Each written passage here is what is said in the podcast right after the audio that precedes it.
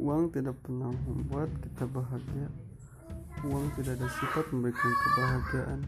Semakin kita mendapat uang, semakin kita menginginkan banyak hal yang kita butuhkan. Jadi uang tidak bisa memberikan kebahagiaan hanya untuk sementara.